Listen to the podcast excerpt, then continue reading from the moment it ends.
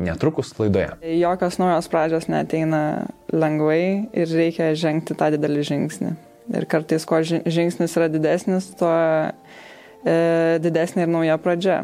Mm. Tai nepabandęs nesužinosi, e, o jeigu esi pasiruošęs gyventi visą savo likusį gyvenimą, taip, tai labai liūdna.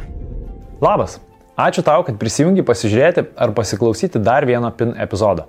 Šį kartą studijoje itin ryški ir spalvinga asmenybė. Ne tik savo išvaizdą, bet ir gyvenimo būdu. Katrina Knizikevičiūtė ne vienam gerai žinoma stilistė, modelis, dizainerė, skulptorė, dailininkė ir mados namų Katrina Bajoras įkūrėja. Laidoje su Katrina pasikalbėjome, kada ir kaip mada atsirado jos gyvenime, kas ją įkvėpė kurti. Taip pat Katrina atskleidė, ką reiškia grįžti į Lietuvą po septynių metų gyvenimo užsienyje ir pradėti viską iš naujo. Katrina yra puikus pavyzdys, kaip susikurti autentišką gyvenimą, siekti savo tikslų, svajonių, atsiribojant nuo socialinių tinklų bei visuomenės primetamų stereotipų. Blitzkieniai, kalbėdama apie asmenybės augimą, Katrina taip pat pasidalino, koks buvo vienas didžiausių jos gyvenimo momentų įvykęs vos prieš du metus, po kurio, kaip ji pati sakė, pirmą kartą susipažinau su savimi. Tad ilgiau nelaukiant, nerime į PIN su Katrina Knizikevičiūtė. Aš esu Aurimas Mikalauskas ir čia laida Pradėk iš naujo.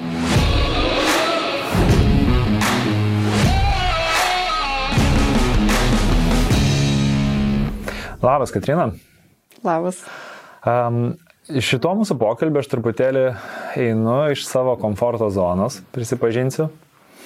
Nes mes neišvengiamai pakalbėsim apie madą, apie stilių, apie temas, kurios man yra nusakyčiau, tolimos, švelniai tariant.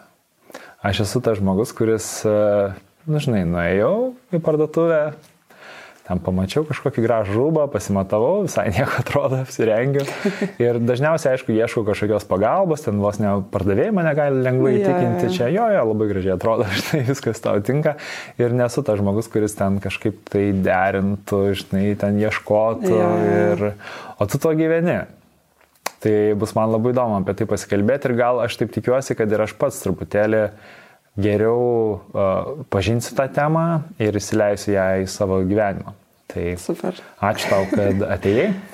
Prieš pradant mūsų laidą, aš dar norėčiau pristatyti mūsų pagrindinį laidos rėmėją, be kurio šita laida nelabai ir galėtų būti. Iš tikrųjų, tai yra audioteka, lietuviškų audio knygų platforma kuri beje yra labai didžiulė naujiena, jau pasileido prenumeratą. Tai kviečiu visus jūs išbandyti Audioteka prenumeratą. Jūs galite dvi savaitės išbandyti ją nemokamai. Ir tuomet jau jeigu jums patiks, galėsite e, toliau tęsti prenumeratą už 9 eurus ir 99 e, centus per mėnesį. Galite klausyti jau virš 300 knygų, būtent prenumeratoje. Šiek tiek yra dar tokių, kurios neįtrauktos, bet e, tikrai labai daug gerų knygų jūs atrasite ir pačioj prenumeratoj. Tai pasibandykit. Ir tau klausimas apie knygas. Ar tu esi skaitytoja, klausytoja, ar nei taip, nei taip, ar ir taip, ir taip? E, šiaip daugiau skaitytoja, e, stengiu, nu, bandžiau ir klausyti kelias knygas, bet vis tiek linkstu prie to fizinio viso jausmo ir tiesiog dedikacijos būtent e, knygai to metu ir momentu. Ok. O s, kodėl klausimas tau nelipo? E, nes tada norėdavau daryti kažką, dar kažkokį, nežinau, veiksmą. jo veiksmą. Aha. Ir nežinau, tada įsijauti į tą visą veiksmą, ten kaip priklausai, bet tiek daug neįsisavini. Bet čia man asmeniškai, mano e, partneris, pavyzdžiui, daugiau mėgsta klausyti ir jam puikiai viskas okay. E, tinka ir patinka. Okay. Bet įspūdingai atrodai. Ačiū. Tikrai. Wow. Tiesiog man taip, taip, taip gražu žiūrėti ir e, įdomu, mm. kada tau atsirado vat, e, tas pirmas impulsas, pirmas noras kažkaip nu, per, per tai, per aprangą save išreikšti. Nu, aš manau, kad labai labai senai, ne, bandžiau visą laiką taip atgaminti, e, kas būdavo ir vaikystėje momentų, kai persirenginėdavom, ten darydavom visokių madų šou, ten visokius šou, bet pasirodymus, bet manau daug vaikų užsiema kažkokiais tokiais e, dalykais. Nežinau, čia mhm. mano nuomonė, bet tokių iš e, profesinės pusės, jeigu galiu tai pavadinti, tai uh, viduriniai mokyklai, manau, jau labiau pradėjau kreipti dėmesį ką aš bandau pasakyti per tą stilių, mhm. e, kokias emocijas iššaukti, ar kažką, kaip, nu jo, realiai kaip save pristatyti. Tai okay. Tai ir va, uniforma, atsimenu, buvo, tai turėjom uniformą viduriniai. Tai pirmąjį buvau ten išsi, išsisivinėjus kaukolę čia tokia, čia su svarovskiukais dar čia tie laikai tokie buvo labiau, labiau edži. E, jo, su tokiais didžiuliais batais eidavau, e, spigliuotais į mokyklą, didžiuliais auskarais, tai kartais buvau pakviesta vieną kartą pas direktorių į ofisą, bet jisai mane pagyrė, sakė, Suprato. nu gerai, varyk toliau, tau leidžiu. Aha. tai labai fainai jo. Tu augai Kaune. Taip, Kaune. ir, ir aš augau panevežį. Ir aš irgi buvau toks truputėlį, nu, neformalas, žinai, ja. tenai. Ir aš esu nu, tikrai nukentėjęs, sakykim taip, nuo to. E, bet gal vėlgi aš esu nu, vaikinas ar ne, ir ten buvo ta nu, forsų kultūra, paprastai pasakius, žinai, ir jiem pankai, nu, arba banglai, aš buvau banglas, ne, nepatiko, buvau ilgais plaukais, jie buvo skusti ir, žodžiu, nu, ja. tikrai konfliktuodom nuolat. Ja. Kaip tau su prieimimu, ar tave vat, priėmė, ir tu iš tikrųjų labai įdomu, kad tu paminėjai, kad tu per aprangą nori iššaukti emociją. Jo, tai, tai buvo mano prisišaukdavai, bet. Protestavimo tokias rytis momentas. Nežinau, aišku, kad buvo visokių tai centre ten kaune, tai iš viso visą laiką šaukdavo kažkas ten, oi, tu ten ką, tu ten kažką pasidažius, ar ten mm. užsidėjus kažką, ten ar vos ne ką vaidini, ar ten, žinai, sugalvodavo visokių ten būdvardžių ir, ir panašiai. E, Mokyklai gal taip, e, ne taip e, būdavo. Ten vis tiek toks uždaresnis ratas, mhm. jau turėtų žmonės ramiau viską reaguoti, mano nuomonė. E, jo, atsimenu, aš tas vienas geras, e, kur visą laiką paminiu istoriją, kad į klubą vieną kartą neįleido, nes sakė, kad išgazdinsiu klientus. ir aš tokia, tipo, čia, tipo, haha, nusiekiu, tipo, sakau, čia rimtai? Ar jo ką? Sako, jo, jo, rimtai. Nu, tai gerai, tai apsukau ir išėjau. Jo, bet tuo metu pas mane būdavo ilgus plaukus turėjau, buvau nusitamsinus juos, mėgau labai juodą lūpdažį, e, šiaip juodą spalvą mėgau, labai dažnai juodas rožės nešiodavau tokias didžiulės ant, e, okay. ant galvos. E, nebuvo nieko gotiško ar pankiško, tiesiog buvo toks galbūt juodas momentas tas gal, gal iš paauglystės kažkas atėjo, kažkokie pasisakymai, žinau, kad yra sunku e, save išreikšti Kaune tuo metu, buvo sunku. E, tai galbūt per tuos visokius ir, ir tos spalvos ir tie dydžiai ir ten kablai tokio dydžio, tai aš ten vos net dviejų metrų būdavau. okay. nu, Tai tokia tavo įmo buvo, ar ne, nu toks periodas? Bet net ne, ne įmo, ne, okay. ne, nes visos idėjos, tai, nu, įmo tai kaip ir subkultūra, tai jinai turi ir savo idėjas, kad ten kažkoks nelaimingas gyvenimo, ar ten kažką, nu, mhm. visas tas, e, bet ne, pas mane tokio nebuvo, aš visada buvau linksma ir, ir gal tuo metu labai nežinau, gal nebuvau atradus iš tikrųjų spalvų taip e, stipriai kaip dabar. Periodas. Tu, tu sakai, vat, kad norėjai emociją iššaukti. Kas tai buvo? Ta prasme, ko, kodėl ir kokią emociją, na, nu, aš įsivaizduoju, kad aišku, skirtingame etape skirtinga, taip, bet taip. vis tiek gal kažkokių atsimenimą, tokių ryškesnių momentų. Nu, kokią žinutę tu norėdavai tuo metu perduoti dar mokyklos laikais? E, nu, man visą laiką būdavo įdomu, kodėl tu kaip žmogus negali priimti kitokio žmogaus. Mhm. E, kad tai yra tiesiog apranga, taip pat kaip ir tai yra oda. Ir tai yra aišku pasirinkimas mūsų, kaip mes atrodom ir, ir visa kita. Tai man gal tas visą laiką keista būdavo. Ir iki šiol vis dar yra kartais. Dabar tai nebesusilaukiu tokių Dabar tik mhm. šypsenas eina. Bet jo, visą laiką gvildenau tos visokius biški psichologinius klausimus. Tai mm. iš tos prizmės, kad galbūt man nebūdavo patogu visą laiką rengtis taip, bet aš džiaugdavausi, kad tai sujudindavo kažką kito žmogaus galvoje. Okay. Kad va, tas būtent emocijos, kad juos priverčia galvoti. O man priimti tą reakciją, tai taip e, kainuoja ir energijos ir visa kita, bet aš su ta pačia reakcija irgi kažko mokausi ir kažkur einu. Tai tiek pat, kiek mano pačios ūkdymas tai yra, tiek ir e, visuomenės, kurioje aš leidžiu laiką. Hmm. Kokius e, atsakymus va, tuo metu, dar nepabėgant iš mokyklos, atradai? Nu, vat, e, vėlgi, kaip minėjai, tai iššaukia tam tikrą reakciją, žinai, tą prangą. Ir ką tu supratai apie žmonės, vat, iš to, kaip jie reaguodavo į tavo tokį išraiškingą stilių? Mm, kažkaip e, norėjau tikėti, kad tai yra Lietuvos kultūrinis e, dalykas, tas ir privedė mane išvykti iš Lietuvos studijuoti okay. madą svetur, Londone tiksliau. Mhm. Tai tiesiog toks e, jautėjai, kad didžiulis ne, nepriėmimas buvo, ne? Jo, galbūt nepriėmimas, e, nesupratimas, bet nu, gal tuo metu ir kažkiek skauda buvo ir kaltinau, bet e, laikui bėgant visos mintis susidėliojo, tai kaip ir kiekviena kultūra savo turi praeitį ir žmonės irgi jaučia visą tą praeitį, tiesiog atleidau, žinant e, visą Lietuvos kultūrinį istoriją ir, mm. ir mhm. panašiai. Ta visą pilkumą, tą visą negativumą. Ir, e, ir jo. um, šiaip labai įdomu, žinai, aš domėdamasis tavim, čia ir e, redaktorė ruoždama laidą man prirašė daug visokių dalykų apie tave. Ir vienas e, dalykas, kuris man nepraslydo pro akis, tai kad vienas iš tavo projektų buvo paruoštas e, pagal Naujoji Žemė knygą. Taip. Kuri man šiaip labai brangi irgi knyga ir jinai be abejo yra ir audiotekai, galima pasiklausyti jos ir labai, nu, tikrai nuostabiai garsinta.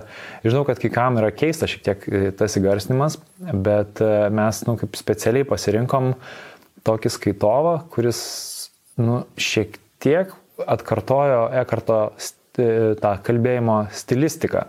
Ir, ja. ir dėl to klausant, nu bent jau man, kai aš esu girdėjęs gyvai, kalbantį Ekartolę, aš klausau šitos knygos ir man nu, labai lengva tada tapatintis ir išgirsti tas e, mintis.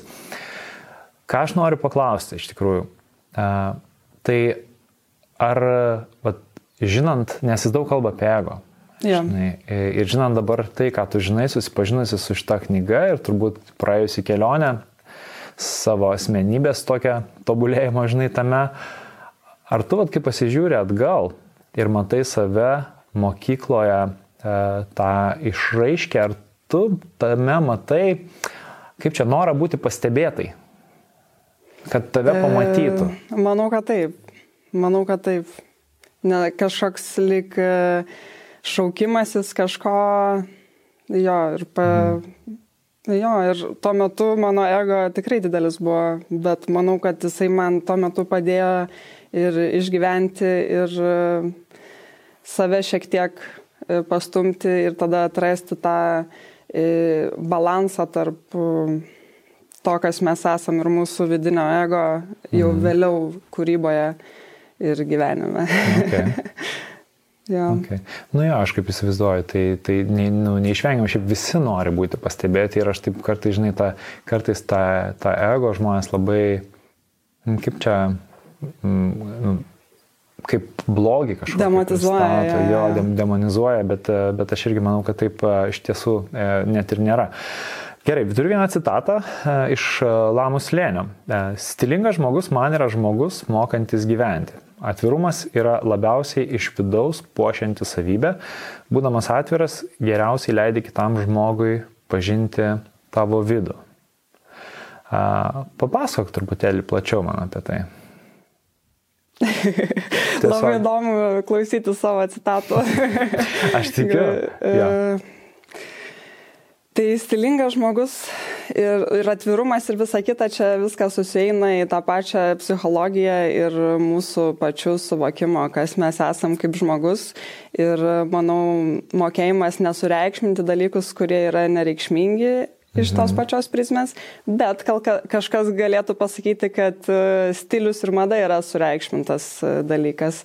Ir tada aš pasakyčiau, kad ne, tai yra mokėjimas gyventi, tai yra mokėjimas save išreikšti kažkaip, mokėjimas eksperimentuoti, e, savo kelti kažkokį, nežinau, geras emocijas, juoką ar dar kažką. Nežinau kaip tau, bet man aš asmeniškai, nu, apranga tikrai duoda tą, kaip aš jausiuosi šiandien, žinai, arba, Aha. pavyzdžiui, kaip aš jaučiuosi šiandien ir kokias aš noriu mintis, kad jos paimtų viršų. Tai mhm. nuo to priklausys e, mano visa apranga. Ar ten, e, nežinau, gal pavyzdžiui, labai poetiškai jaučiuosi šiandien ir atrodysiu kaip e, poetas, nu kažkas tokio. Mhm. Realiai gyveni savo gyvenimo filmą ir tu kuriesi savo dieną. Tai vienas iš aspektų yra rūbas visi kiti aspektai tai yra tavo aplinka ir kokią mm. muziką tu klausai, kokį tu maistą valgai. E, ir panašiai. Tai va, čia maž, manau, kad apie tai. O atvirumas, tai tu turi būti atviras savo, kaip ir sakiau, kad nesureikšminti dalykų, nes sureikšminimas jau yra kažkoksai trikdis mm. kažko, tai nenatūrali ne, ne, ne emocija, mano nuomonė. tai va, ir, nu jo, viskas ateina per tą prizmę pas mane, kad e, mes esam tiesiog gamtos dalis ir turim e, save matyti kaip gyvūną ir kadangi mes esame tokie apdovanoti e, visa, visais jausmais ir visa kita ir ką mes galime kurti ir kaip save išreikšti, tiek daug dalykų galim užsiimti ir panašiai. Mm. Tai jo. O tu pavyzdžiui, vėlgi, kadangi paminėjai, kad prasideda diena, ir tu galvoji, kaip aš šiandien jaučiuosi ir taip apsirengi. Ar tu galvoji, kad iš tą laidą eidama jau iš anksto, kaip tu norėsi jaustis ir kaip tu apsirengsi, ar tai buvo toks, va šiandien ryte atskėlė ir hmm, kaip aš šiandien jaučiuosi? Šiandien ryte atskėlė, užgeriau du kavos jodos su kakavos sviestu, labai gerai taip gerti siūlau, duoda energijos. Bulletproof, tokia. jo, jo, jo. Aha. Ir tada paskaičiau biškelį knygas ir, ir sugalvojau, kad noriu dėvėti šitus marškinius. Ir tada viską aplink tos marškinius susidėliojau. Okay. Dar vieną turiu tokį klausimą, turbūt iš savo nesaugumo, žinai, šitoje e, srityje, būtent mados stiliaus. O kaip e, tu žiūri į tos žmonės, kurie galbūt per daug nesureikšmina to. Nu, va, tokius kaip aš, kurie ateina, nu, yra tas momentas, apie ką tu kalbėjai, žinai, ja, kaip, ja, ja, kaip aš šiandien jaučiuosi. Bet žinai, aš atsidarau savo rūbų spintą ir ten, žinai, kabo trys mėgstiniai ir galvoju. Jo, jo. Nu, nu, bet trys mėgstiniai priemonės ribotos, žinai, yra. jo. Bet va vis tiek nusprendė baltą mėgstuką užsidėti, čia kažką buvo kažkoks initial, ar čia šiaip sakyčiau, čia, žinok, yra iš, išskaičiavimo. Aš taip galvoju, nu, negaliu aš kiekvienoje laidoje pasirodyti, žinai, galvoju, kokį paskutinį kartą buvau geltona, ten, ar žalia apsirengę, nu, dabar reikia balų. Okay. Tai, tai tikrai tai nėra labai daug, žinai, nu, nulemta kažkokio kito, kito faktoriaus. Aš, e, ir, ir aš netgi dažnai aš suvokiu, kad aš stengiuosi apie tai kuo mažiau galvoti. Nes man, nu, žinai, yra dalykai, kurie yra ganėtinai e, natūraliai ateina, Taip. Ir yra dalykai, apie kuriuos man labai reikia galvoti. Žinai, ir labai samoningai, ir tai atima labai daug resursų. Ja. Dėl to aš toks kartais e, stengiuosi tą, žinai, Steve Jobs požiūrį, kur nu, turiu baltų maikių, kur, žinai, ypatingai ja. jeigu vasarą reikia apsirengti ir tiesiog pasiimi pirmadienio maikį apsirengti. Žinai. Tai aš taip paprašiau tą žiūrį, ja. už tai labai įdomu, žinai, išgirsti. Bet vėlgi tau e, turbūt tas ganėtinai, nu, tau irgi natūralu yra Jo, aš per daug to. negalvoju. Pas mane kaip čia ta, tie rūbų derinukai, tai kaip ir tapyboje kažką tapai arba dar kažką per daug negalvoju, kokią spalvą, su kokia mm. spalva derinsi. Kažkaip jaučia akis arba širdis, nežinau. Okay. E, papasakok dar truputėlį e, apie tai, nu, vat, kaip, kaip tas, sakykime, vystėsi tavyje, kokio šeimoje tu augai, kokie buvo tavo tėvai? Tai Mano, pradėsiu nuo, nu gerai, nuo abiejų tėvų. Tai mano tėvai šiaip susipažino, mano mamai, man atrodo, buvo e, 15, mhm. tėčia 18 ir tada jie draugavo e, tris metus ir tada susitokė, kai mamai buvo 18, tada jinai pastojo, kai jai buvo 19 su manim.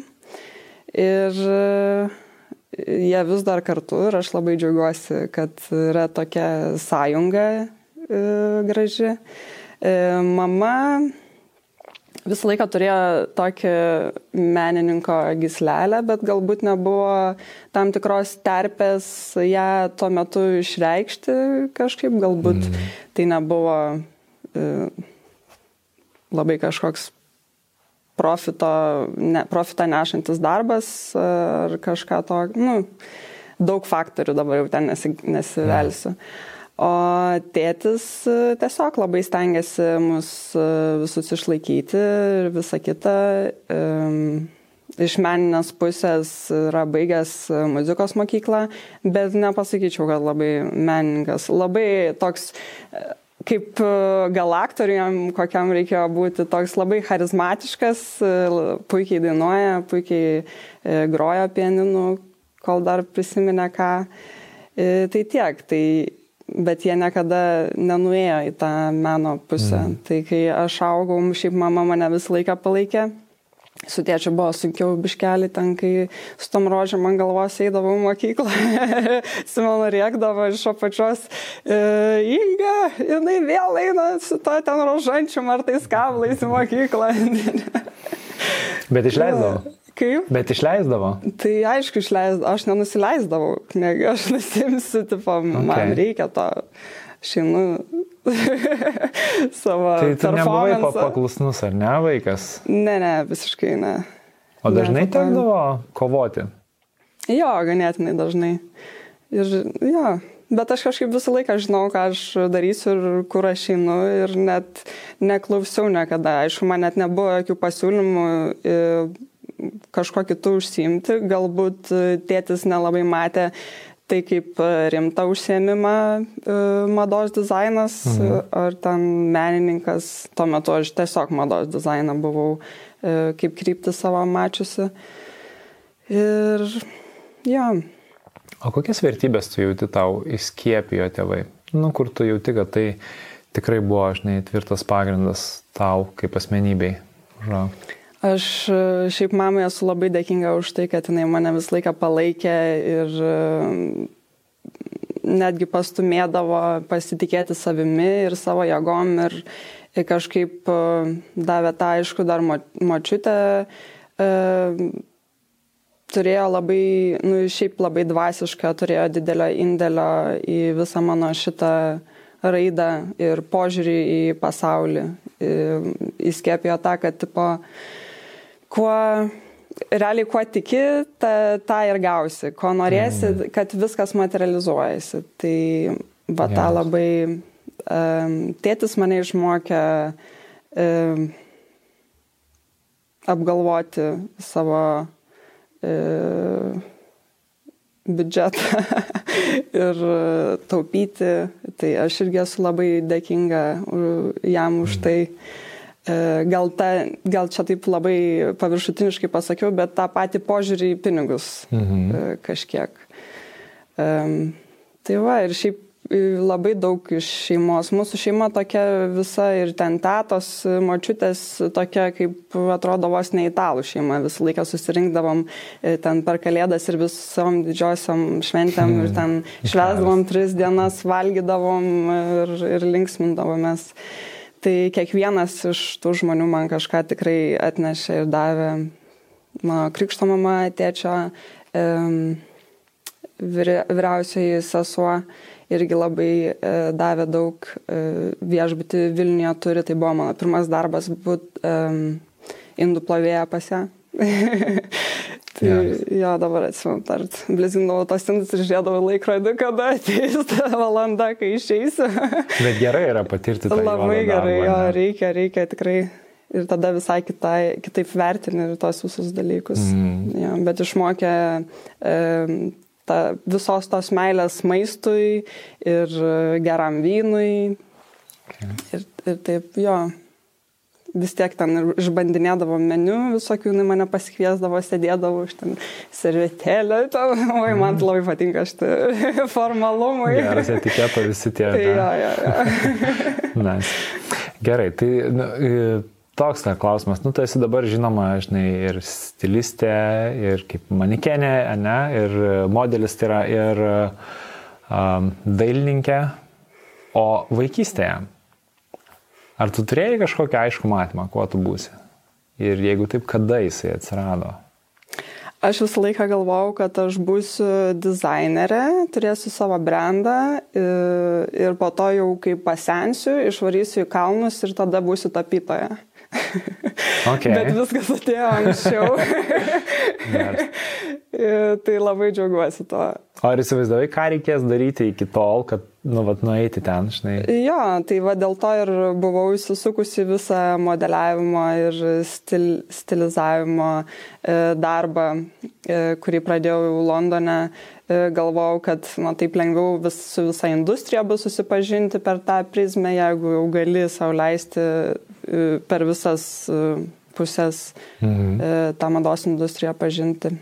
Tai va, pradėjau stilistą dirbti Londono mados savaitėse, ten vitrinas visokias darydavau, tom, tai mano pagrindinis pinigų šaltinis tuo metu buvo modeliavimas Londone, tai labai daug dirbau plaukų modelių, čia buvo toks daugiausiai to. Okay.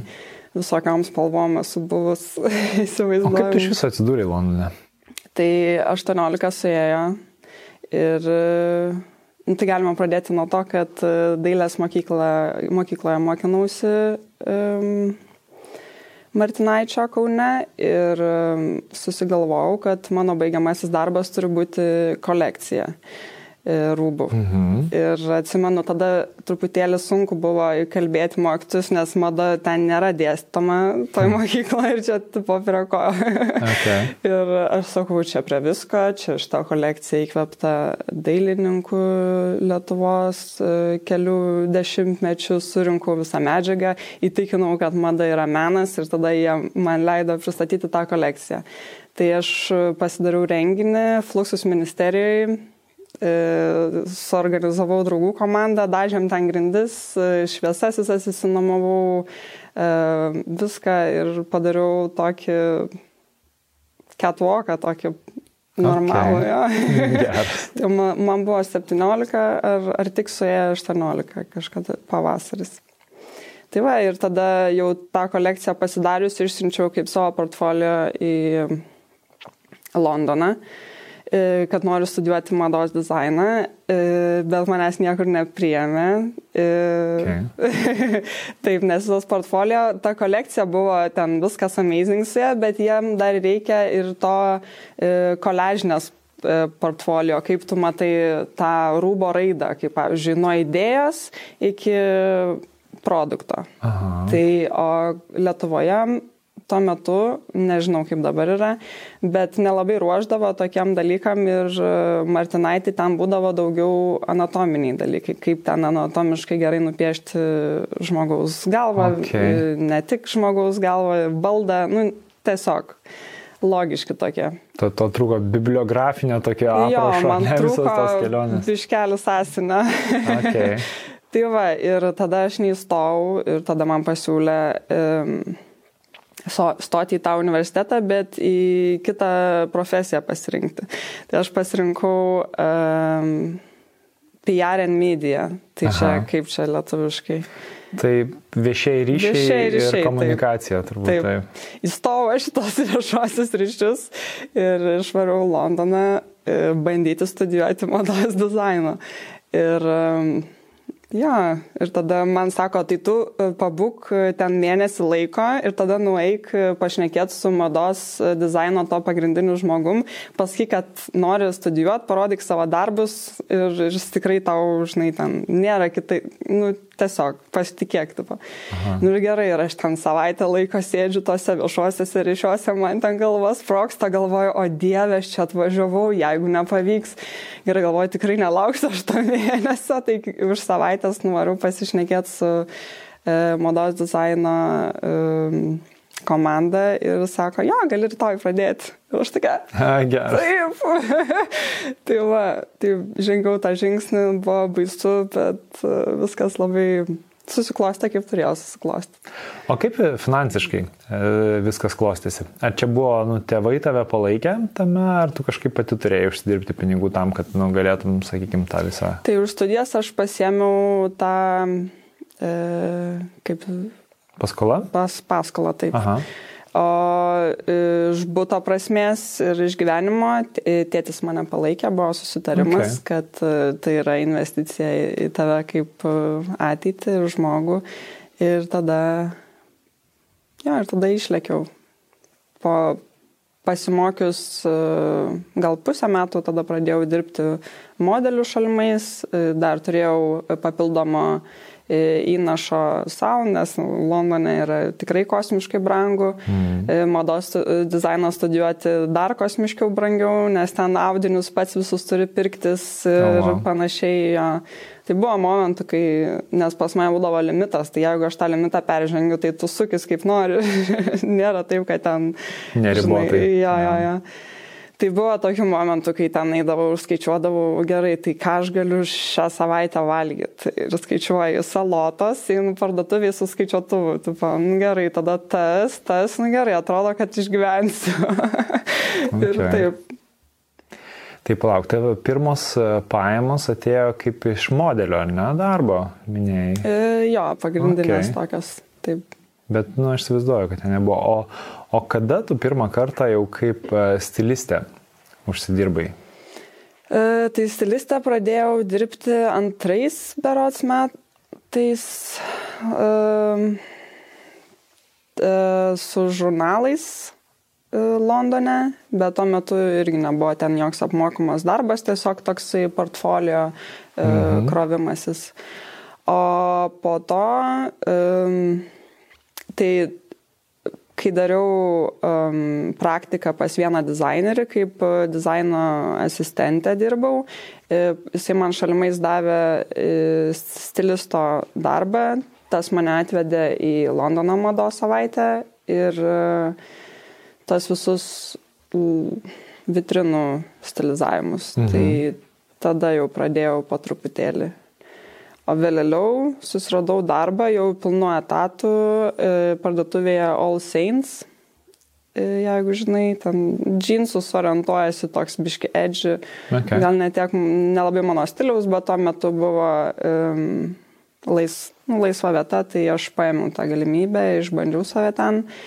Tai vat, ten irgi dirbau stilistę. Okay. Ten jau labiau pačioj parduotuviai, e, ten rūbų dėliojimas ir klientų prieimimas ir kažkoks pasiūlymas klientui derinimas rūbų vietoje ir, ir panašiai pačio parduotuviai. Mhm, okay. Ar tu tada jau, vat, kiek dabar atsimeni, matei save ateityje kaip, nu, sakykime, savo asmeninį brandą turinčią stilistę ir turėjai, ne? Jo, Tokį jo, aišku matymą. Jo, turėjau. E, tai baigiau universitetą. E, ir pristačiau savo pirmą kolekciją, jau tada susikūriau savo logo ir visą kitą, bet e, dar nebuvau nusprendusi, kaip viskas vadinsis, tai sekančiais metais po universiteto baigimo susigalvojau, kad e, tai bus bajoras ir tada pradėjau po truputėlį e, dirbti ties bajorų. Mhm. Visą idėją. Ir jo, ir tada baigiau visokius darbus kitiem mados namam ir pradėjau fokusuotis tiesiai į savo meninę kryptį. Okay. Papasakok truputėlį, kaip tas vyksta. E, aš taip papasakok apie tai, galvodama apie kitus žmonės, kurie norėtų panašių kelių sekti. Nu, aš turiu menį, ne, galbūt ne studijas, žinai, bet va tas, kai tu mm, galvoji apie savo brandą, savo prekę ženklą, žinai, jo sukūrimas, uh, kaip tu, sakykime, kokiais kriterijais vadovaudamas į jį kuri. Um, iš kur tu uždirbi realiai pinigų? Žinai, kas yra tas tavo klientas? Nu, čia tu apie save Taip. be abejo gali kalbėti, bet vat, kaip tu įsivaizduoji, kaip tu atrandi tą savo pirmąjį klientą? Taip. Nu, aš net nežinau, nuo ko čia pradėti, nes visas tas e, brando kūrimas galbūt ir prasidėjo nuo tos e, vaikystės pradžios ir žinojimo, kur aš tiksliai eisiu ir tikslingai kiekvieną žingsnį dėlioti iki to, kas mane atneš, kur aš susiplanavau. E, tai manau, kad e, praktika yra labai svarbus dalykas ir kitiem dirbti man ir buvo labai svarbu. Aš pamačiau tą tikrą mados industrijos veidą, tiek iš modelio pusės, tiek iš stilistės pusės, tiek iš mados dizainerio asistentės pusės. Mhm. Mes ten, jezu, prieš pat e, mados savaitės, e, dvi savaitės e, dirbdavom, mėgodavom gal po tris valandas, mėgodavom ant žemės, nes nebūdavo laiko varyti namo, apsiprausdavom taip greitai kreukliai ir parau. tai va. E, šiaip labai fainai susibendravau su tuo dizaineriu, po to mes tapome gerais draugais. E, jisai mados industrijos net laikė. E, aš, man atrodo, kai baigiau jam dirbti, dar porą metų jisai dirbo, po to turėjo visišką e, breakdowną. Čia tu apie Jasperį kalbėjai. Taip, ne? apie Jasperį. Yeah. Ir nusprendė, kad jisai meta mados dizainą, varo vėl studijuoti, o jam 47 beros. E, tai numerė studijuoti skulptūras ir tapo skulptorium. Ir dabar jau nebeturi savo mados e, linijos. Tai šitą irgi išmokau visai, kad e, kai bus, tai bus, bet svarbiausia yra sveikata ir ne, negalima persidirbti ir tiesiog reikia daryti tai, kas patinka ir mm. tai, ką jauti, kaip, kaip tu nori save išreikšti, per ką ir panašiai. Tai va, taip pat dirbau jam ir tuo, tuo metu, kai įkūriau, na, nu, kai pradėjau kurti, negaliu sakyti, įkūriau tą visą bajoro brandą, tai tada modeliavimas buvo mano pagrindinis, okay. E, pagrindiniai įnašai. E, ir tada po truputėlį pradėjau dirbti stilistę daugiau, jau kai turėjau ir savo rūbų, tada norėjau ir savo rūbus aprengti. Mhm. Tada jau ir iš stilizavimo ateidavo didesnės, didesni visi šitie pinigučiai. Ir nežinau, kažkaip labai didelio didelio netnešė pelno, e, būnant e, Londone mados dizainerė. Ten būdavo labiau visko pabiški ir, okay. ir, ir taip toliau ir panašiai. Bet o vizija tokia buvo, iš kur nu, vat, pinigų daugiausiai turėjo ateiti? Aš tiesiog, žinai, klausiu, nes man jo, sunku įsivaizduoti, ar tu, nu, kas yra tas klientas, ar tai tas žmogus, kuris su tavimi ateina pasikonsultuoti ir kur tu jie asmeniškai tada ten kažkaip. Taip, aš tuo metu orientavausi į bespauk liniją, e, tai yra rūbų, rūbai, kurie yra visiškai sukurti būtent tam žmogui. Tai aš mhm. pristatydavau mhm. savo kolekcijas, kad e, parodyti kažkokią stilistiką ir ten mano idėjas, galbūt kažkas patiks tam pačiam klientui, jisai tik tais norės kažką pasikeisti pagal save, bet e, daugiausiai būdavo klientų, kurie tiesiog užsisakydavo ten kažkokį švarką ar mhm. kostiumėlį ar suknelę ir ateidavo pas mane. Mes išrinkdavom um, audinius uh, specifiškai tam žmogui, aptardavom ten visą dizainą ir tada jau pradėdavau siūti. Tai mano klientas visą laiką būdavo tas uh, labai personalus toksai ryšys e, okay. su juo. Ar tau buvo, nu, vat minėjai, kad ten Londone, būdama, tu nelabai daug e, iš to galėdavai užsidirbti. Ar buvo sunkių momentų, nu, kur tu galvojai, taip žinai, tai neveikia. Nu, kaž, kažką reikia kito galvoti. Ne, negalvojau, kad neveikia. Kodėl? Nes kažkaip, nežinau, tai jeigu neveikia, reiškia, nepabandžiau stipriai. Tai reikia pabandyti stipriau ir tada suveiks. Įdomu, kas, kas tau uh, padėjo susiformuoti va tokiai, kad nenuleisti rankų.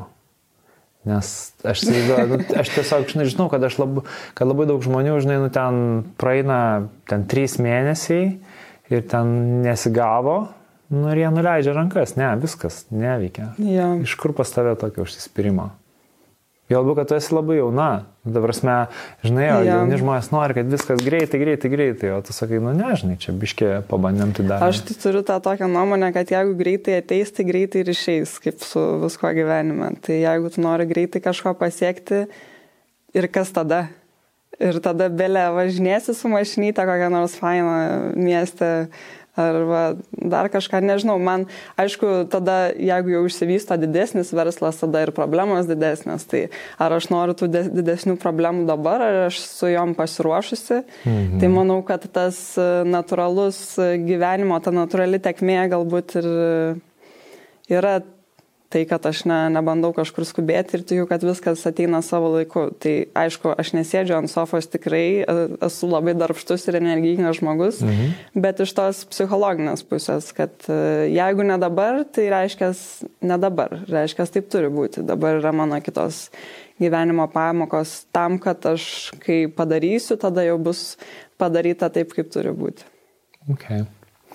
E, papasakok dar truputėlį apie e, Jasper Garvydą, tiesiog apie jūsų e, ir net galbūt man įdomu bendrai tų mentoriaus tokio svarba gyvenime, nes tu gal turėjai jų net ir ne vieną, nu aš turiu menį, tu, tu dirbai kažkokiose kitose vietose, atminėjai praktikos labai svarba. Ja. Ką tau davė tas santykis?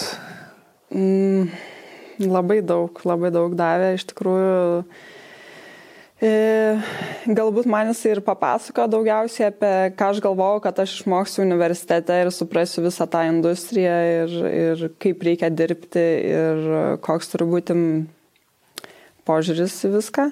E, tai taip nebuvo, tai jisai buvo man toksai, aš atėjau, iš tikrųjų tai ieškau e, praktikos mados dizaino, e, nuėjau pas e, Fyodor Golan, yra tokie du dizaineriai, E, tam e, interviu turėjau su jais. Ir po to, po dviejų dienų turėjau eiti su Jasperiu. Ir tada mane iškart priėmė į tą pas Fyodor Golan ir ten Somerset e, House, ten pačiam centre, ten gipsai, visa kita, labai gražiai atrodė ten jau ta studija. O pas Jasperį nuvariau buvo East Londone. Okay. Ir buvo toksai kaip ir fabrikas, e, biški ten ligoninės vaivo gal, durų belenkiek, nu, ten jisai visas susivėlęs, toks skubantis mažiukas, e, šiaip Filipin, iš Filipinų jisai. Okay. E, Filipinuose gimęs, Kanadoje augęs, atvykęs į Londoną. tai va, tai jis toks ten judrus, visą kitą interviu daviau ir tada sekančią dieną jis man parašė, uh, nu tai priemam tave. Ir tada man buvo vienas iš pagrindinių tokių, tai kur man eiti. Bet aš tada nežinau, ar man, ar aš noriu ten to viso industrijos, kur mados savaitės vyksta, ar man varyti e, nežinau, kur nuo mano namų gal pusantros valandos su traukiniu į vietą, kuri nelabai estetiškai graži, bet lemba aš tą žmogų kažkaip labai jaučiau, galvoju. Ir tada pagalvojau, kad aš gausiu gyvenime daugiau iš e, to santykio negu vietos ir galbūt tai vietai dar ateis laikas ir nusprendžiau, kad e, dirbsiu Jasperiui. Ir pradėjau savo darbą, e, buvo labai jokinga, jisai klausydavo visą laiką muziklų visokių dainų ir dainuodavo muziklus, siūdavo. Na, man tai patiko, aišku, nesu labai muziklų, muzikos mėgėja, bet e, energetika buvo gera okay. Tai va, nu ir kažkaip taip susibendravom, tada um, um, išsišnekėjom, pradėjom, nuėjom į uh, kelias vakarienės šiaip kaip draugai ir tada jau prasidėjo tas artimesnis ryšys. Um, Tai jis pasako visą savo kelią e, mados dizaine ir, ir gyvenime. Ir jo, jisai buvo tikrai nuostabus mano mentorius. Bet jūs turėjote romantiškus santykius, ar tai buvo... Ne, ne, ne, ne, ne draug... Platoniška draugystė. Ja, ja, ja. Okay. Draugiški. mm, tiesiog aš nesuminėjau, kad ja. du kartus tik tai šiaip vakarienės, o paskui artimiau susibendrauti. artimiau okay. draugai, susivažinom. Okay. Atsirado jo. Ja. Gerai. Bajoras. Ką reiškia bajoras? Kodėl toks yra tavo prekė ženklo pavadinimas? Tai kai galvojau aš e, pavadinimą, kažkaip norėjau susijęti su savim, bet e, ne visiškai tiesiogiai, kad ten mūsų Katrina Knizikevičiūtė mhm. kultūr. yeah.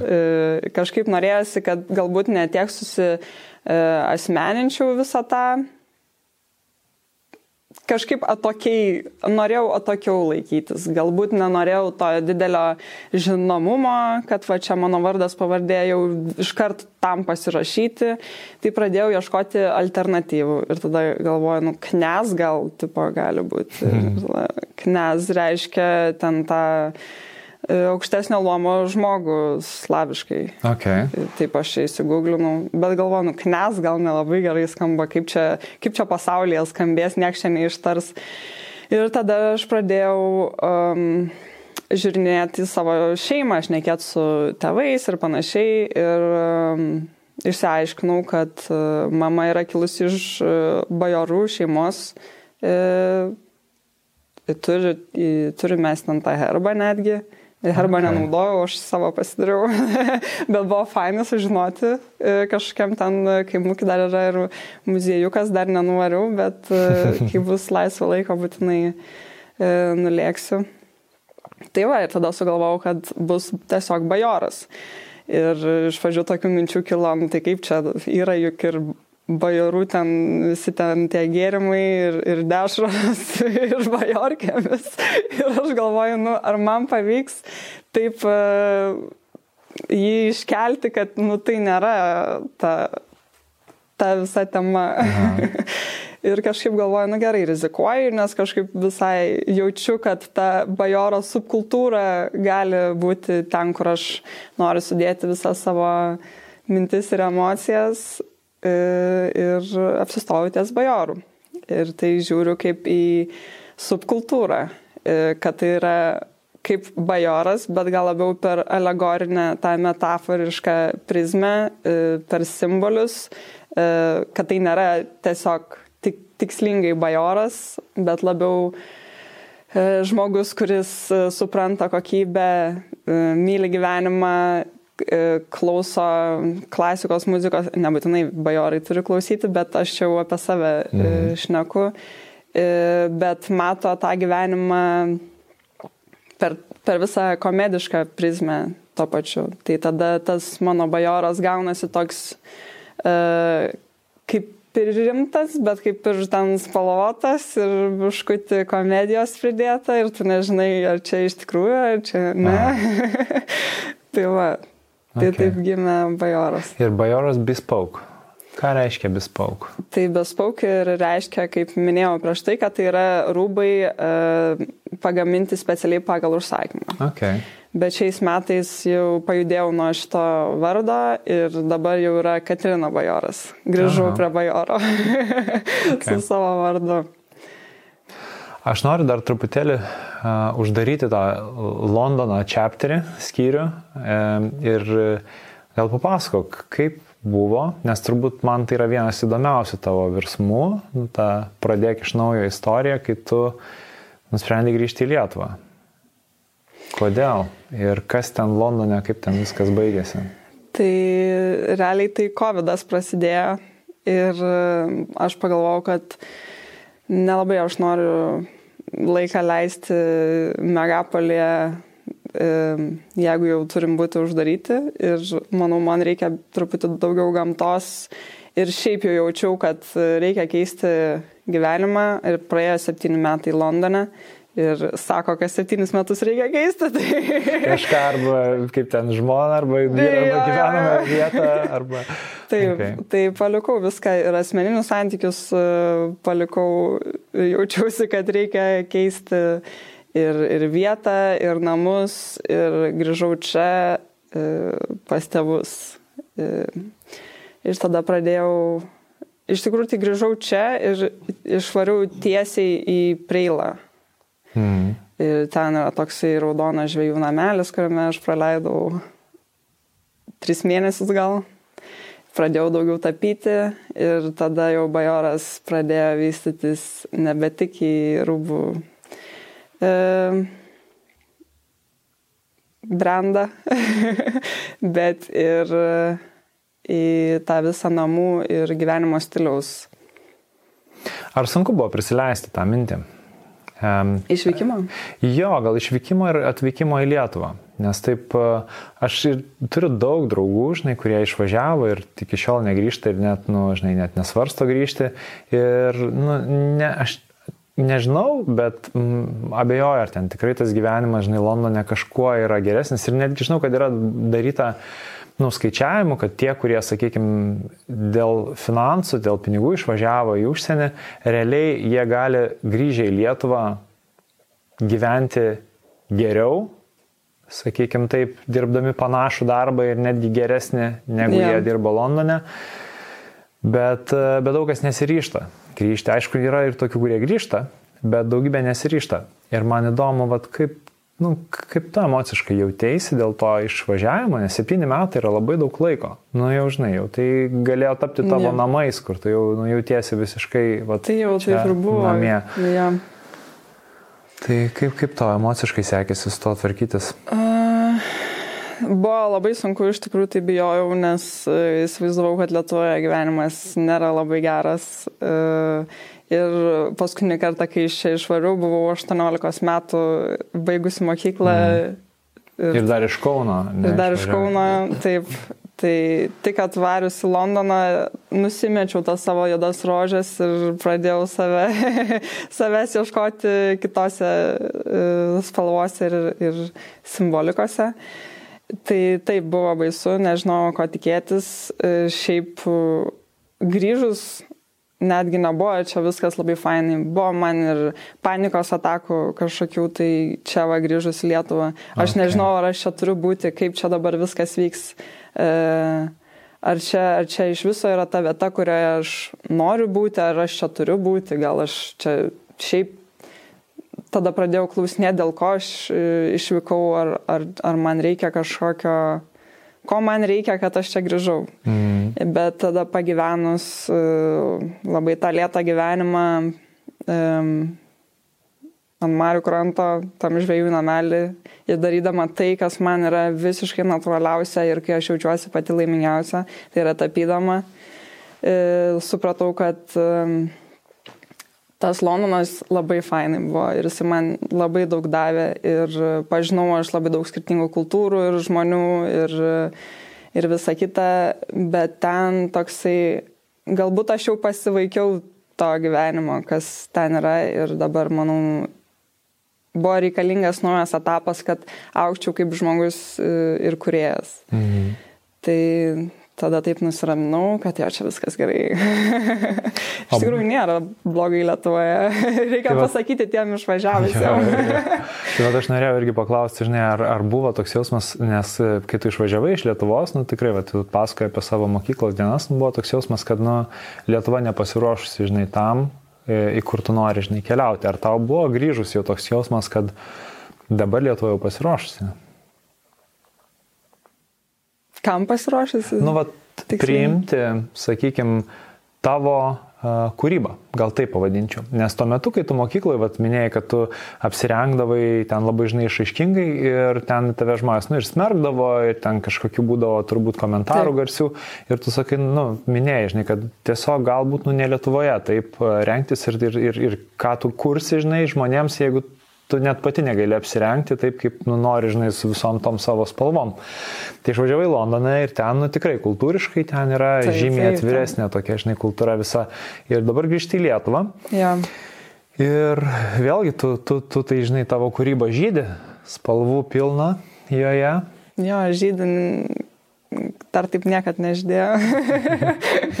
tai ar tu jau jautėsi jau, kad, kad Lietuva va, tam yra pasiruošusi tavo, tavo kūrybai, tavo tai tokiai spalviniai išaiškai, žinai, ir, ir, vis, ir visom kitom, nu aš čia taip supaprastintai sakau. Aš gal, žinai. bet nežinau, manau, kad taip, gal dar kažkiek laiko reikės.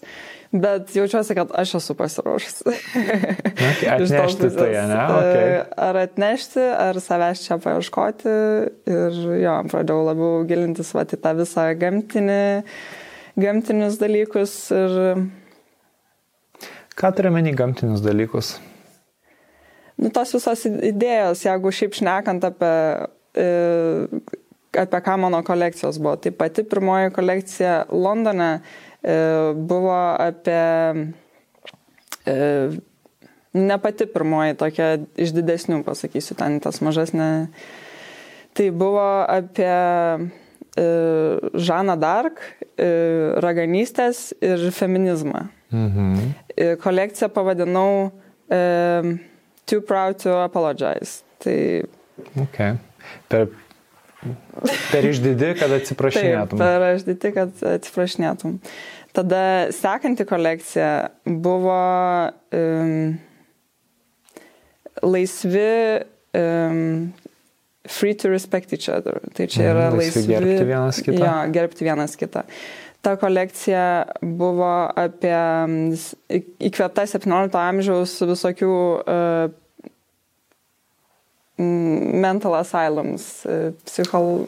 psichiatrinių. Beprotnami, be taip, taip vadinkime, ne? Taip, tokių, ir visokių keistų ja. dalykėlių, dėl ko ten žmonės uždarinėdavo, kad Aha. ten moteris per daug knygų skaito, arba ten, nu, aš nesiplėsiu, šiaip labai įdomi tema, siūlau pasiskaitinėti. Okay. Tada kolekcija buvo vis dar ten Londone, vis dar gyvendant. Ego cirkas Tai tada buvo ta kolekcija, kur aš perskaičiau um, Naujoji Žemė ir mane įkvėpė atsikratyti savo ten tų visų nereikalingų susireikšinimų ir į tai, ką aš save dedu ir kaip save reprezentuoju, mhm. paprastai išnekant. Ir tada jau Lietuvoje pirma grįžus kolekcija buvo uh, where, did, uh, where Did We Come From, Where Where did we go? Mm -hmm. tai, tai va, tai įkvėpta tos dainos, žinoma, e, pavadinimas, ne pati kolekcija. Bet e, pati kolekcija e, buvo įkvėpta bakterijų, natūralaus gyvenimo ritmo, augalų ir tiesiog paprastos gamtos. Tiesiog kas mus supa, nuėjus ir atsisėdus ant samanų miške, kažko, kažkas tokio. Mhm. Ir tada pradėjau savęs tiesiog klausinėti, iš, iš kur aš kilau, kur aš nuėjau, kur aš buvau tos septynis metus, ką aš veikiau, kaip, kokią mane padarė tai, kur aš nukeliavau ir kur dabar aš keliauju. Tai man pasidarė tas toks reikalingas momentas sugrįžti į, į tas gyvybiškas, gamtiškas mintis Dėl to va, pradėjau daugiau e, tapyti ir skulptūras lipdyti ir suprasti, kad e, noriu šiek tiek plėstis ir eiti gilyn nuo mados į tai, kas mus supa dabar. Ne tik kaip mes save išreiškiam, bet kaip mes galim išreikšti ir savo aplinką arba kokioje aplinkoje mums reiktų būti. Ką matyti, kad taip mus, nu, žodžiu, tiesiog pašnekėsiai vidiniai. Mhm.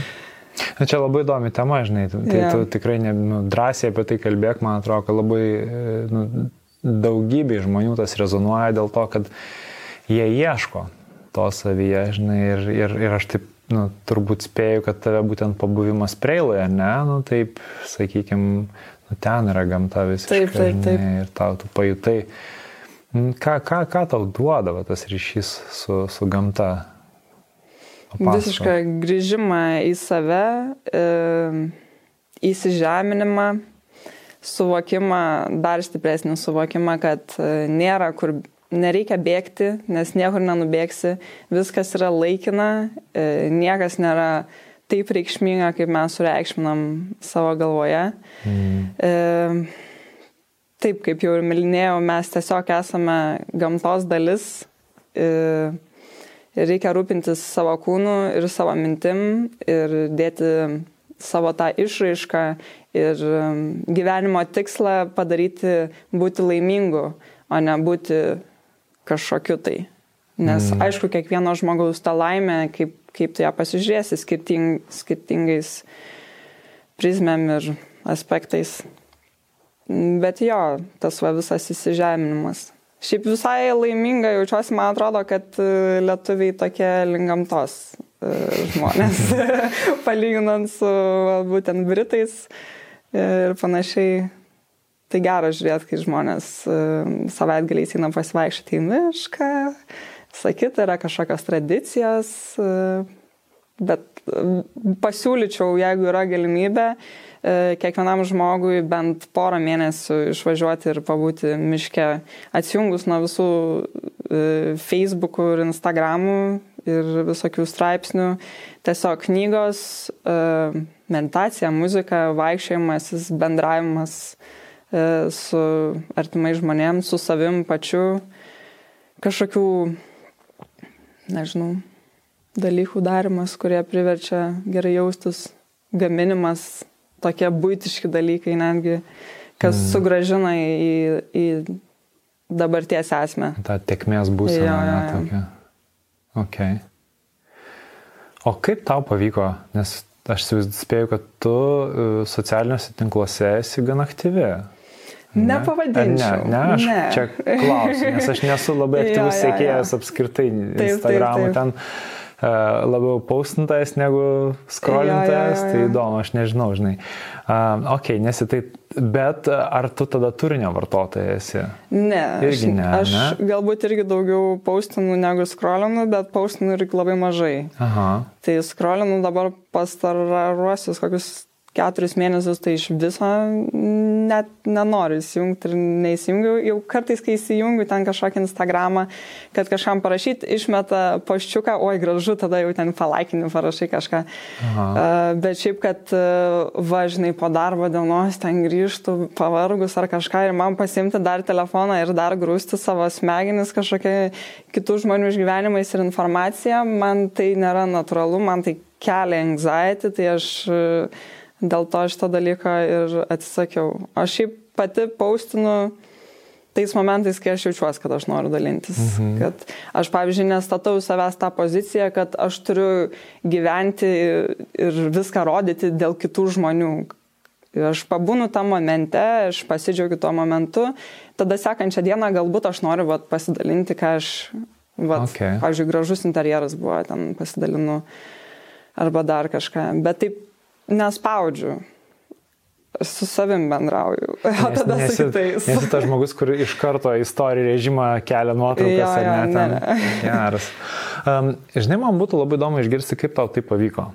Ir klausiu dėl to, kad aš žinau daugybę, daugybę žmonių, kuriems nepavyksta to padaryti. Jie suvokia, jie žino, kad jiem tai irgi kelia tą nerimą, žinai, tą anxiety, stresą. Uh, Bet, e, bet jie nuo to streso dar labiau nori skrolinti. Dėl to, kad, nu, žinai, tai yra tas greitas dopamino atsakas. Įsijungi ir iš karto, žinai, ten gauni kažkokį ir, ir nu, tai yra jau tapusi priklausomybė. Kaip tau nu, pavyko, ar nežinau, net netapti galbūt priklausomai, arba jeigu buvai, nes tu sakai, kad atsisakėjai, nes jauti, kad tau tai kelia, kaip tau pavyko atsisakyti? Ar tai buvo Nežinau. Tiesiog gal pradėjau klausinėti savęs e, klausimų, kam man to reikia, kam man reikia ten kelinėti arba paustint. Anksčiau sakydavau, čia dėl darbo, nes turiu čia, tipo, mm. žinai, palaikyti algoritmai, visą kitą. Ir po to galvoju, nu gerai, čia mano asmeninis, aš geriau susirasiu vat, žmogų, kuris bus atsakingas, e, žinai, ties pačio brando ir ten jau vyks kažkas. O aš jau tokį labiau palaikysiu ritmą, koks man yra natūralus. Tai jo, tie klausimai, kam man to reikia, ar, man, ar aš nepasitikiu savimi, kad man reikia kažkokio pripažinimo, ar man reikia vat, būtent to dopamino, kaip tu minėjai, mm. ar man reikia, net nežinau, ar man reikia pasirodyti, kaip aš fainai gyvenu, ar man reikia, nežinau, įkvėpti kitus. Šitą tai iš tikrųjų reikia, jo. Tai va, mm. galbūt vienintelis dalykas, dėl ko aš kažką kažkada daugiau papauštinu, tai yra vat, arba parodyti iš meninės pusės e, darbus tiesiog, arba įkvėpti kitus žmonės. Jo, iš to bendravimo pusės. Nu, tiesiog atradau uh, atsakymą, kam aš taip darau. Mhm. Okay. Ar tai buvo toks lengvas tavo procesas? Ne, nebuvo lengvas procesas. Manau, net porą metų iš tikrųjų toksai, žinai, jau kai įsivažiuoji tos ne. darbus ir visą industriją, nu, tai yra natūraliai ten, pava, natūraliai įsiveli visą šitą. Mm. E, tai aš nieko nesakau, kad, žinai, su visais darbais, bet jau kai pereina į asmeninį gyvenimą, kad jau tu ten gerdama savo rytinę kavą nori, žinai, parodyti, kaip tavo gražiai kava atrodo, tada jau galvoju, nu ne, reikia stabdyti kažką. E, tai jo, porą metų, manau. Taip, on and off. Taip, gal gali truputėlį apie mm, nežinau, kaip čia dabar pasakyti, Vat, aš savo, čia man toks yra išėjimas iš savo komforto zonos, žinai, bet uh, bendrai apie madą stilių kalbėti ir apie, ir apie spalvas. Nu, kaip tu, nežinau, kaip, kaip tu atrandi spalvas, gal taip galima pasakyti, nes aš įsivaizduoju, kad tai yra, tai yra atskiras menas, žinai, išrinkti ja. atskirą. Gal.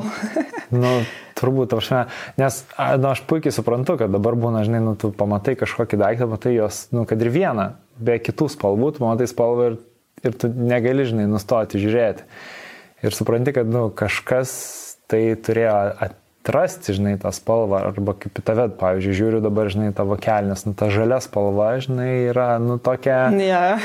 nu, ypatingai išskirtinė, žinai, ir tada, aišku, turi dar plus derinti tas spalvas tarpusavėje, kaip tu tai darai, koks yra procesas viso to?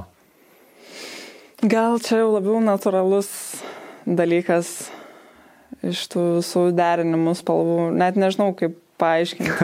okay. bet, bet manau, kad šiaip tokią gerą visai mintį čia prieš porą dienų turėjau, ten galvojau apie interjerus e, ir kaip žmonės įsirenginėja savo namus. Mhm. Ir dažniausiai būna labai natūraliai, e, nu, arba pilkai, arba į kreminę pusę, bet tai, kad netrikdytų minčių, netrukdytų jų ir susilieti su gamta, tai pasakyti. Mhm. Ir tada aš tai pasijutau biški, tai ką aš čia, tipo, nu, nes pas mane namai tai irgi ten spalvyčių spal, spalvotėlių visokių, bet aš ten labai gerai jaučiuosi ir ten, man ten yra mano natūrali buveinė ir gamta.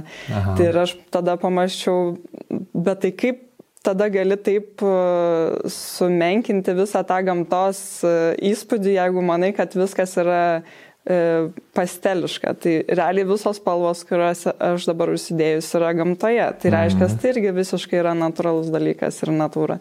Tai priklauso nuo požiūrio, kaip tu matai pasaulį. Ar tu jį matai pilkai, ar tu jį matai spalvotai. Mm, tiesa. A, ir dar labai atkreipiu dėmesis, iš tikrųjų šiaip domiuosi e, spalvų mm, visom savybėm, kaip tai paveikia žmogaus nuotaiką ir mintis, būtent spalvos. Aha. Tai pilka kreminė ir, ir juoda irgi yra spalvos. kaip jos paveikia? Nu, tai tarkim, balta spalva neša ramybę ir švarą. Ir tu jautiesi, kad tu kažkokios naujos, naują pradžią arba kažkokia tiesiog labai ramiai viskas. Aha. Uh, mėlyna irgi, man atrodo, ir žalia. nu, tai mėlyna tai žydra ar mėlyna e, mėlyna? Žydra, jo. E, fokusą skatina, e, kiek atsimenu. Bet jo, yra labai įdomių kažkokią dabar aš dabar net gaminsiu apie rausvą spalvą, kad kažkurioje šalyje yra kalėjimas visas nudažytas e, rožinė spalva, nes rožinė spalva ten, nu dabar bijau pameluoti. Kažkokią savybę turi ir dėl to jie nusprendė, kad kalėjimą nudažys rožinę spalvą. Okay. tai va iš tos pusės. Uh, gerai, dar klausimą turiu apie mm, net nežinau kaip tiksliai vardinti dar. A, grįžai Lietuvą, ne? Dabar tu toliau vystai savo prekės ženklą. Ar tu čia jau, kaip čia, ar tu gali gyventi iš savo prekės ženklo ir iš savo, nu, stilistės, būtent šitos, šitą tai karjerą. Stilistė aš nebedirbu. Ai, okay, aš gal. jo, aš taip okay. nusprendžiau, čia, čia žinau, kad čia naujas dalykas, tai... Okay. Tokio, ja, ja, čia nauja, ar ne? Yra? Jo, tai nes tą visą stilistės darbą buvau įnešta vien tik tais dėl to, kad norėjau, nu, reikėjo ir pinigų užsidirbti ir pačioje industrijoje būti. Uh, tai šiaip patiko ją dirbti. Dar kartais labai retais atvejais pastilizuoju kažką, bet mhm. tai nebėra tas pagrindinis dalykas. Šiaip pats brandas, taip, jau dabar, kai išsiplėtėm į namus, tai dar šalia to, kuriu kilimus, nu, šalia visos mados yra tas e, namų linija. Tai jinai susideda iš kilimų, skulptūrų ir paveikslų. Okay. Tai skulptūros paveikslus aš e, pati e, darau, tapau lipdau, o kilimus papaišau, sukuriu visą dizainą ir tada siunčiu kilimų gamintojams ir jie jį audžia. Tai čia va yra vienas iš dalykų, kurio nedarau pati. Nu, kaip ir darau, 50 daugiau procentų darau negu ne. Norėjau aš pati ir tos kilimus austi, bet galvoju, biškai gal reikia stabdyti, tiek daug viską darau. Tai va, bet e, tai brandas einasi puikiai, bet e, manau, kad paveikslai dabar yra pagrindinis dalykas netgi, ko labai okay. džiaugiuosi ir didžiuojasi. Um, Tai jie visą tą brandą ir kelia į viršų. O šiaip šalimais dirbu dar kaip meno direktorė e, kitiems. Tai va mano e, paskutinis darbas, kai buvau Pietų Afrikoje, grįžau dabar prieš porą savaičių, tai dirbu meno direktorė tokiam vilom. Yra kompanija, kuri turi vilas aplink pasaulį ir jiem nori sudaryti naują E, įvaizdį, e, tai mes keliaujam su fotografu, videografu komanda ir ten dirbu meno direktorė, tai e, sužiūriu tą visą meninę kryptį nu, ir tiesiog. Tai va, dar šalimais dirbu kitiem meno direktorė. Yeah. tai dabar va, link tos pusės, kuri ir man yra labiau natūralesnė, nes iš tikrųjų idėjų ir matymo perspektyvų turiu labai daug įvairiausių ir nebūtina man ten, kad viskas būtų visą laiką super spalvota ir visa kita. Aš supra... stengiuosi suprasti ir manau, kad suprantu, kas žmogui patinka ir tinka skirtingose temose. Tai va to ir užsiemu šalmais. Okay. O stilistės darbo tu atsisakėjai e, dėl nu, sakykime, ar tau buvo lengva tai paleisti, ar toks buvo, kad nu jauti, kad tai nėra pelninga, ar tai tiesiog, nu, sakykime, man faina, ja. bet tame nėra pinigų.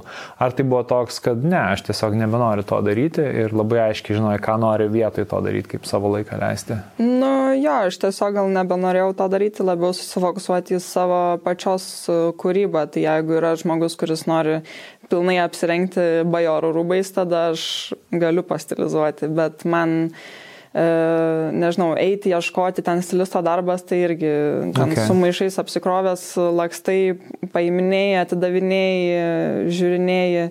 Tai toks ne mano. Šiaip kūrybiškas, fainas darbas, bet ne mano. okay.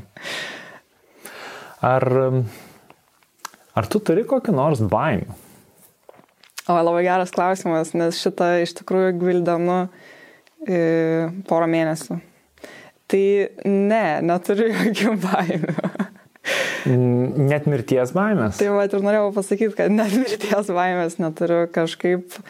Nu, ta prasme, pagalvoti apie tai, ten, kai sveikata sustreikuoja, tai aišku, nervina ir galėtų būti geriau, mm. bet ne, gal, nežinau, mirsi, tai mirsi, kaip nu, vis tiek ateis tai, tai būtų liūdna, nes ne viską įgyvendinau, ką turiu galvoje, nu, bet kaip yra, taip yra.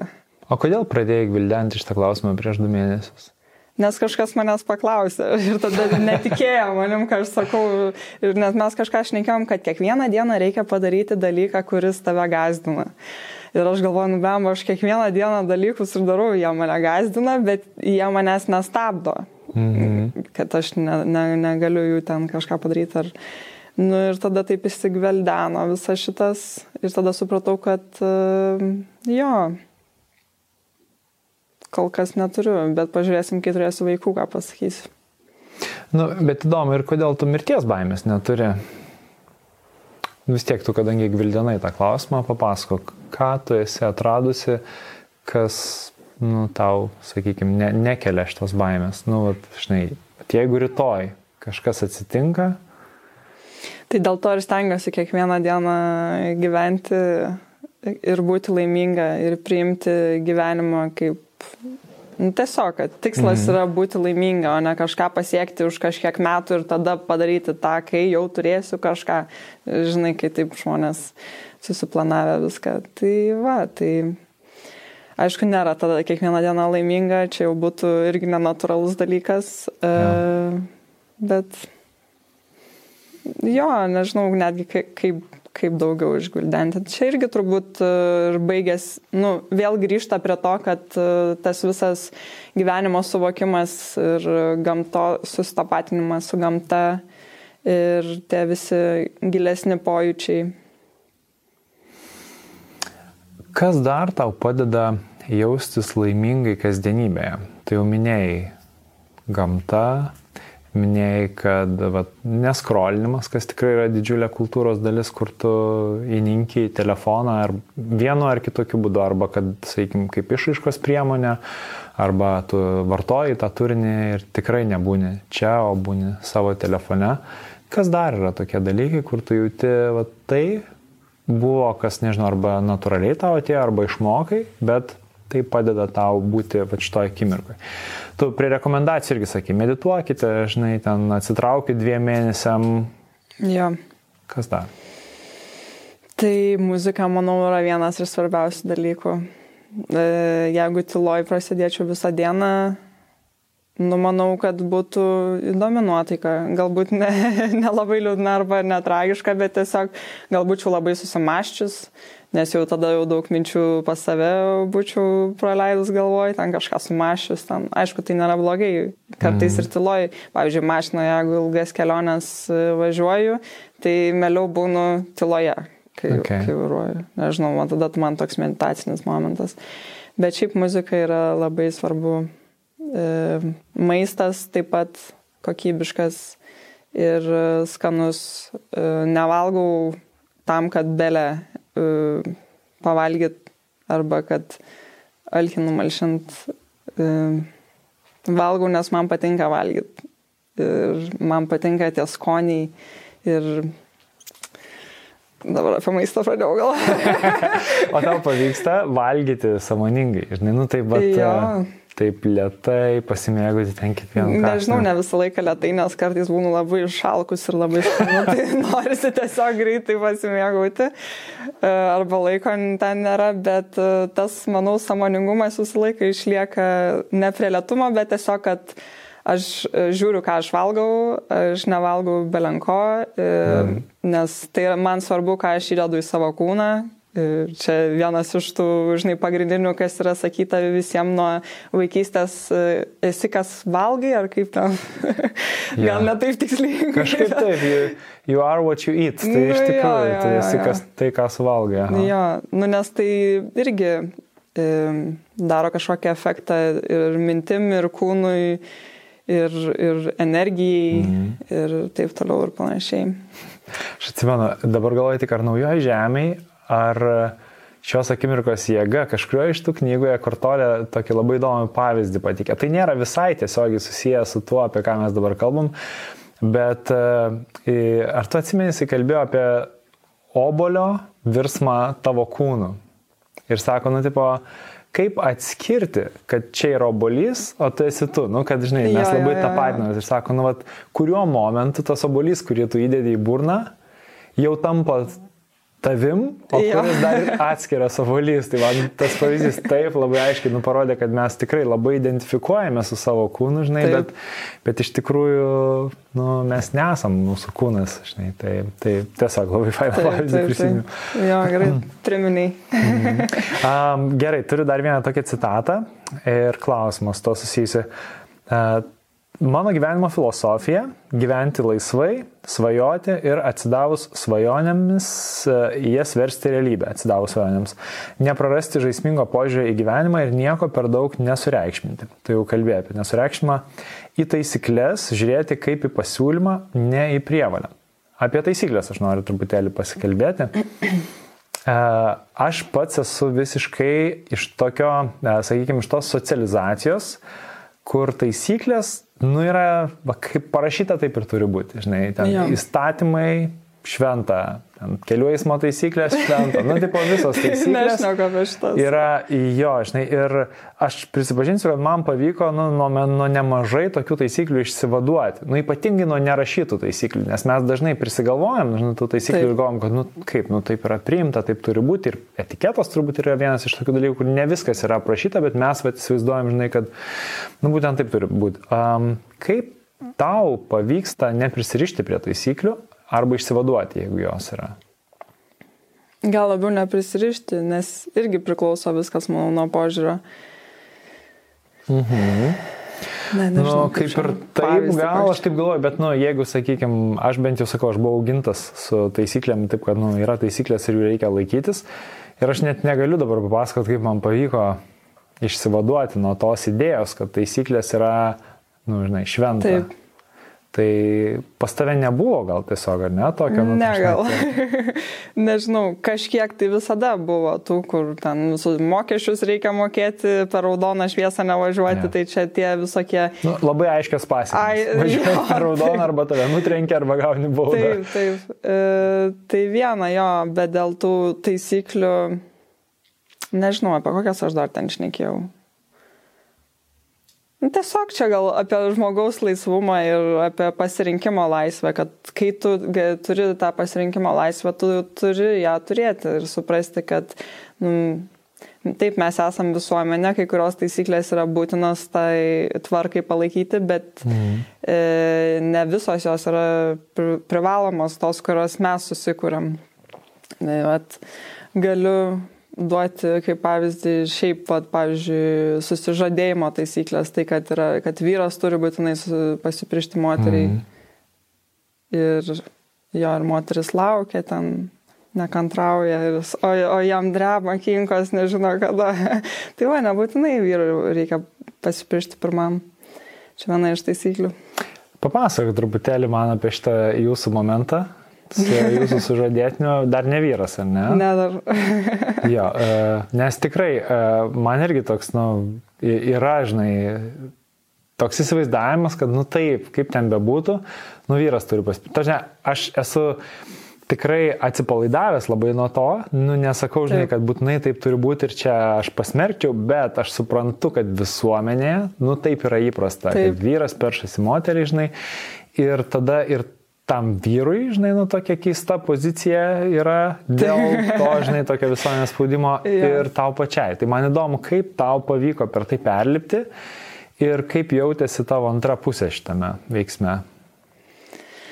E, kaip perlipti, tai aš net nežinau, nes per nieką ne, ne, nelaipiau. Tiesiog taip dvi savaitės iki E, kelionės į Braziliją, čia prieš du metus, man atrodo dabar, mhm. E, sugalvojau, kad e, noriu pasipiršti jam.